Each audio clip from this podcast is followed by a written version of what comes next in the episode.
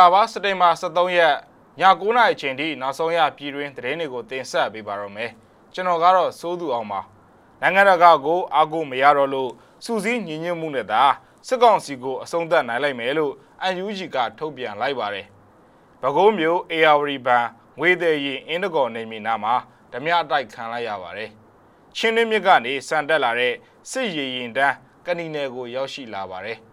စစ်ကောင်စီတပ်ရဲ့လေကြောင်းတိုက်ခိုက်မှုတွေကြောင့် ထွက်ပြေးခဲ့ရတဲ့လုံလဲရွာက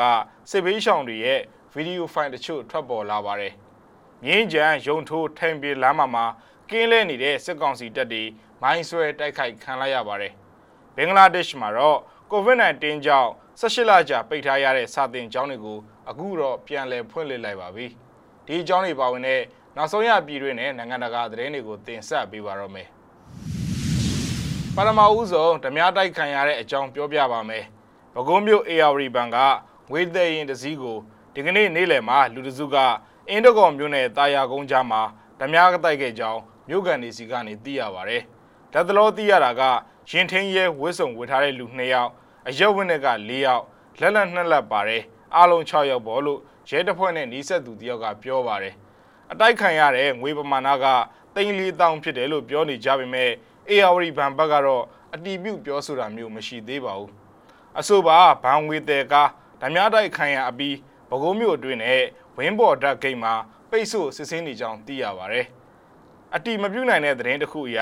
အဆိုပါဘန်ဓမြမှုဟာဘန်ဝေတဲရေမဟုတ်ဘဲနဲ့ငွေလာထုတ်တဲ့လုပ်ငန်းရှင်တယောက်ရဲ့ငွေတွေဖြစ်ကြောင်းသတင်းတွေထွက်ပေါ်နေပြီးမြစည်းမကဆက်လက်စုံစမ်းနေပြီးအခုချိန်ထိတရက်ခန်းတွေကိုဖမ်းဆီးရမိခြင်းမရှိသေးပါဘူးစစ်အာဏာသိမ်းပြီးနောက်စစ်ကောင်စီကလူတတ်မှုမရိမှုစေးမှု ခိုးဆိုးလူနိုင်တွေကိုအချင်းထောင်ကလွတ်ပေးပြီးတဲ့နောက်မြို့နယ်တချို့မှာရာဇဝတ်မှုတွေခက်စစ်စစ်ဖြစ်ပေါ်လာခဲ့ကြောင်းဒေသခံတွေကပြောနေကြပါတယ်ခင်ဗျအာဏာသိမ်းစစ်ကောင်စီရဲ့တိုက်ခိုက်မှုတွေကနေမြန်မာပြည်သူလူထုတွေကိုကူညီကာကွယ်ပေးဖို့နိုင်ငံတကာအတိုင်းဝိုင်းကိုအားကိုးလို့မရတော့ပဲတမျိုးသားလုံးစီးလုံးညီညွတ်မှုဖြစ်တာစစ်ကောင်စီကိုအဆုံးသတ်နိုင်လိမ့်မယ်လို့အမျိုးသားညီညွတ်ရေးအစိုးရကစက်တင်ဘာ23ရက်မှာထုတ်ပြန်လိုက်ပါတယ်။ အမျိုးသားအလုံးစုပေါင်းမှုဆောင်ရွက်မှုနဲ့သာစစ်ကောင်စီကြောင့်ပေါ်ပေါက်ခဲ့တဲ့အာဏာသိမ်းမှုနဲ့မတည်ငြိမ်မှုတွေကိုအဆုံးသတ်ရမှာဖြစ်ကြောင်းပြီးခဲ့တဲ့9လတာကာလကိုပြန်ပြီးစမ်းစစ်ကြည့်ရင်ဆိုရင်တိတာထင်ရှားနေပြီလို့ UNG ကထုတ်ပြန်ပါတယ်။နိုင်ငံတချို့ရဲ့တရားဝင်ဖိတ်ကြားမှုနဲ့စစ်ကောင်စီကတချို့သောနိုင်ငံတကာအစည်းအဝေးတွေမှာတက်ရောက်ခွင့်ရနေပြီးတချို့သောနိုင်ငံတွေနဲ့စစ်ရေးစီးပွားရေးသဘောတူညီချက်တွေကိုပင်ရရှိနေကြောင်းတွေ့ရတဲ့အတွက် UNG ရဲ့တရားဝင်အစိုးရဖြစ်တည်မှုကို ထိခိုက်မှုတွေရှိနေကြောင်းကိုလည်းပြောပါတယ်။ပြီးခဲ့တဲ့9လတာကာလအတွင်းနိုင်ငံရေးနဲ့တန်တမာရေးကြိုးပမ်းမှုတသက်ဖြင့်ပြဿနာတွေကိုမဖြေရှင်းနိုင်ကြောင်းသိချခဲ့တဲ့နောက်မှာတော့မလွဲမရှောင်သာရက်ရွာပြည်သူ့ကာကွယ်ရေးအဖွဲ့တွေကိုဖွဲ့စည်းခဲ့ရပြီးပြည်သူ့ကာကွယ်ရေးတပ်ဖွဲ့တွေအနေနဲ့နိုင်ငံတကာလူအခွင့်အရေးနဲ့လူသားချင်းစာနာမှုဆိုင်ရာဥပဒေတွေ ဂျီနီဗာသဘောတူညီချက်နဲ့လိုက်ရောညီထွေဖြစ်တဲ့ကျင့်ဝတ်စီကမ်းတွေကိုလေးစားလိုက်နာဖို့ကြိုးပမ်းဆောင်ရွက်မှာဖြစ်ကြောင်းထုတ်ပြန်ချက်မှာဖော်ပြထားပါတယ်။ပြည်သူလူထုကစစ်ကောင်စီကိုဆက်လက်ခုခံတွန်းလှန်နေချိန်စစ်ကောင်စီရဲ့အကြမ်းဖက်မှုတွေပုံမမြင့်သက်လာနိုင်ခြင်းကိုရှောင်လွဲလို့ရမှာမဟုတ်ပဲငြိမ်းချမ်းစွာဆန္ဒပြမှုတွေကိုပင်တေးစီနိုင်တဲ့လက်နက်တွေနဲ့အင်အားသုံးဖြိုခွဲမှုတွေက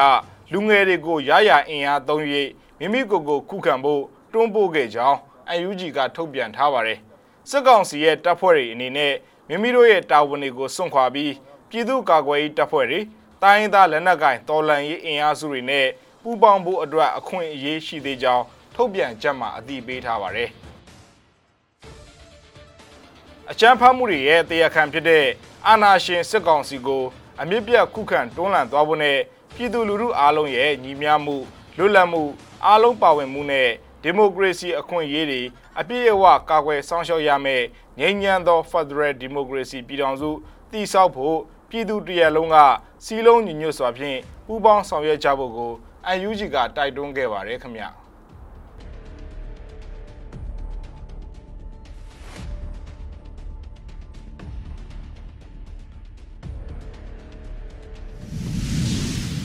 မန္တလေးတိုင်းဒေသကြီးမြင်းကြံမြို့ ရုံထိုးထိန်ပန်းလမ်းမပေါ်မှာစိုင်ကယ်၅စီးနဲ့ကင်းလဲနေတဲ့စစ်အုပ်စုကို0ပျောက်ကြားတပ်ဖွဲ့ကမိုင်းဆွဲတိုက်ခိုက်လို့စစ်ကောင်စီတပ်ဖွဲ့ဝင်6ယောက်သေကြောင်းထုတ်ပြန်ပါတယ်။ဒီကနေ့စက်တင်ဘာ23ရက်ညနေ4:45မိနစ်မှာမိုင်းဆွဲတိုက်ခိုက်တာဖြစ်ပြီးစစ်ကောင်စီတပ်သားတွေစီးလာတဲ့စိုင်ကယ်၃စီးလဲပျက်စီးခဲ့တယ်လို့ဇီရိုပျောက်ကြားတပ်ဖွဲ့ကဆိုပါတယ်။ကြံဆိုင်ကယ်2စီးနဲ့စစ်ကောင်စီတပ်ဖွဲ့ဝင်၄ယောက်လွတ်မြောက်သွားပြီး ပြန်လည်ပစ်ခတ်မှုတွေရှိခဲ့ကြောင်းဇီရိုပျောက်ကြားတပ်ဖွဲ့ကထုတ်ပြန်ထားတာဖြစ်ပါတယ်။မုံရွာဘက်ကနေချင်းတွင်းမြေအတိုင်းစံတက်လာတဲ့စစ်သမောတစ်စီးစပီဘုတ်တစ်စီးနဲ့ပစ္စည်းတင်တဲ့ရင်နှစ်စီးစစ်လက်နက်ပစ္စည်းတွေတင်ဆောင်ထားတဲ့ရေရင်တွေကဏီနယ်ကိုရောက်ရှိလာပြီလို့သိရပါတယ်။ဒီကနေ့ညနေ၄နာရီလောက်မှာအဆိုပါလက်နက်ခဲယမ်းတင်စစ်သမောနဲ့အောင်စုစုမွန်နှင်းဝဝေထွန်းရေရင်အုပ်စုကကဏီနယ်ခြံရွာနားကိုရောက်ရှိလာတာပါ။ စစ်ရေရင်မှာကလေးဘက်လေးတန်အမြောက်တွေပါတယ်။ပစ္စည်းတင်ရင်နှစ်စီးကလည်းတင့်ကားတွေကားတွေအဲ့လိုဟာမျိုးတင်လို့ရတဲ့ဟာမျိုး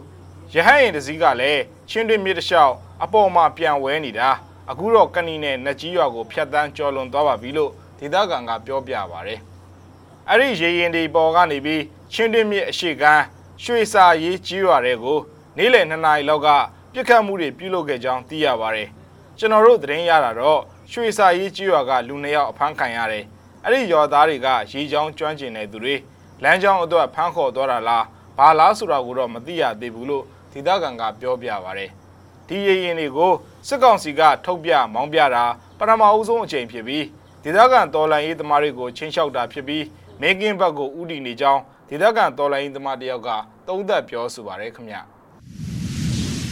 ချင်းပြည်နယ်ထန်တလန်မြို့နယ်လုံလဲကျေးရွာတိုက်ပွဲမှာ စစ်ကောင်စီရဲ့လေကြောင်းပစ်ခတ်မှုကြောင့်စက်တင်ဘာ10ရက်ကတီယိုချောင်းကိုခတ်ခဲစွာကြော်ဖြတ်ပြီးမီဇိုရမ်ဘက်ကိုထွက်ပြေးကြတဲ့စစ်ဘေးရှောင်တွေကဗီဒီယိုဖိုင်တွေထွက်ပေါ်လာပါတယ်။ဗီဒီယိုထဲမှာတော့ချင်းပြည်နယ်နဲ့အိန္ဒိယနိုင်ငံမီဇိုရမ်ပြည်နယ်ကြားကရေစီးတန်တဲ့တီးယိုချောင်းထဲမှာကလေးငယ်တွေတက်ကြီးရွယ်သူတွေကိုတင်ဆောင်ပြီးလှင်ငယ်လေးတွေနဲ့ခဲရခဲစစ်ဖြတ်တန်းနေတာကိုမြင်တွေ့ရမှာပါ ral tan te bung ro ti hen ha kai char char ni ton he ta ma le lam tang he pakhatin lo venga nga vào ko ma tang he hen miệng mà ra tu này rồi thải kai tổ in này chỉ là hiền này ai rong cái in bò la này tin hay anh sẽ tu mà ကိုရိုနာဗိုင်းရပ်စ်ကြောင့်ကမ္ဘာအရှိကြဆုံး ကျောင်းတွေပိတ်ထားရတဲ့နိုင်ငံတွေကတနိုင်ငံဖြစ်တဲ့ဘင်္ဂလားဒေ့ရှ်မှာ18လကြာစာသင်ကျောင်းတွေပိတ်ထားရာကနေပြန်ဖွင့်ပြီဖြစ်တာကြောင့်တနင်္ဂနွေနေ့မှာကလေးငယ်တွေဟာစာသင်ခန်းတွေစီကိုတသက်သွင်းပြန်လဲရောက်ရှိလာပါပြီ။ COVID-19 ကပ်ဘေးအတွင်းကာလာရှီကျောင်းတွေပိတ်တာဟာတောင်အာရှဒေသကကလေးငယ်တန်းပေါင်းများစွာအတွက်မမျှတမှုတွေပိုပြီးဆိုးရွားလာစေနိုင်တယ်လို့ UNICEF ကသတိပေးပြီးနောက်အခုလိုကျောင်းတွေပြန်ဖွင့်လာတာပါ မြို့တော်ဒါကာကစာသင်ကျောင်းတစ်ကျောင်းမှာကျောင်းသားကျောင်းသူတွေကိုပန်းနေတရားလုံးတွေနဲ့စီးကြိုကြပြီးနှာခေါင်းစီးတက်ဖို့နဲ့လက်ဆေးဖို့ကိုပြောဆိုနေကြရပါတယ်တချို့ကျောင်းသားကျောင်းသူကလေးငယ်တွေကစိတ်လှုပ်ရှားပျော်ရွှင်ပြီးအချင်းချင်းပွေးဖက်တာကိုလည်းမြင်တွေ့ရပါတယ်ကျောင်းပြန်တက်ရတာအရန်ပျော်တာပဲလို့အသက်15နှစ်အရွယ်အာမတ်ကကျောင်းဝင်းထဲမှာ AFP ကိုပြောပါတယ်တငယ်ချင်းတွေအားလုံးနဲ့ကိုရန်ကိုကြပြန်တွေ့ရတော့မယ်ပြီးတော့ဆရာဆရာမတွေကိုရောပဲ ဒီကနေ့တော့ laptop ကနေမြင်တွေ့ရတော့မှာမဟုတ်ဘူးလေလို့သူကပြောပါတယ်ကျောင်းဝင်းဂိတ်မှာတော့ကျောင်းတာဝန်ရှိတဲ့သူတွေကကျောင်းသားကျောင်းသူတွေကိုပေးမဝင်ခင်အပူချိန်တိုင်းကြပါတယ်ကျောင်းဖွင့်တဲ့ပထမရက်မှာအခုလောက်အများကြီးကျောင်းလာတက်မယ်လို့ထင်တော့မထင်မိဘူးလို့ဒုတိယကျောင်းအကြီးဒီဝန်ကပြောပါတယ်လူဦးရေ169တန်းရှိရာဘင်္ဂလားဒေ့ရှ်နိုင်ငံမှာ41ရာခိုင်နှုန်းကပဲစမတ်ဖုန်းရှိကြတယ်လို့နိုင်ငံရဲ့တယ်လီကွန်အော်ပရေတာတွေ အဖွဲ့အစည်းတွေအရသိရတာကြောင့်ကလင်းငယ်တန်းပေါင်းများစွာဟာအွန်လိုင်းစာသင်ခန်းတွေကနေမသင်ယူနိုင်ကြတဲ့အခြေအနေဖြစ်ပါတယ်စမတ်ဖုန်းကရှိရင်တော့နိုင်ငံရဲ့ကြေးလက်ခရိုင်တွေကကျောင်းသားကျောင်းသူတွေအတွက်အွန်လိုင်းကနေစာသင်လို့ရအောင်အထိအင်တာနက်မြန်လုံးကတိတ်ပြီးတော့ကောင်းလာတာမဟုတ်ပါဘူးကပ်ဘေးတွေကြောင့်ဒေသသွင်းကကလေးငယ်တန်း430ကျော်ဟာဒန်းတူမညီမျှမှုတံကိုခန်းစားရနေပြီလို့ UNICEF ကကြာတာပရင်းနေမှာအစီရင်ခံစာတရက်ထုတ်ပြန်ခဲ့ပါတယ်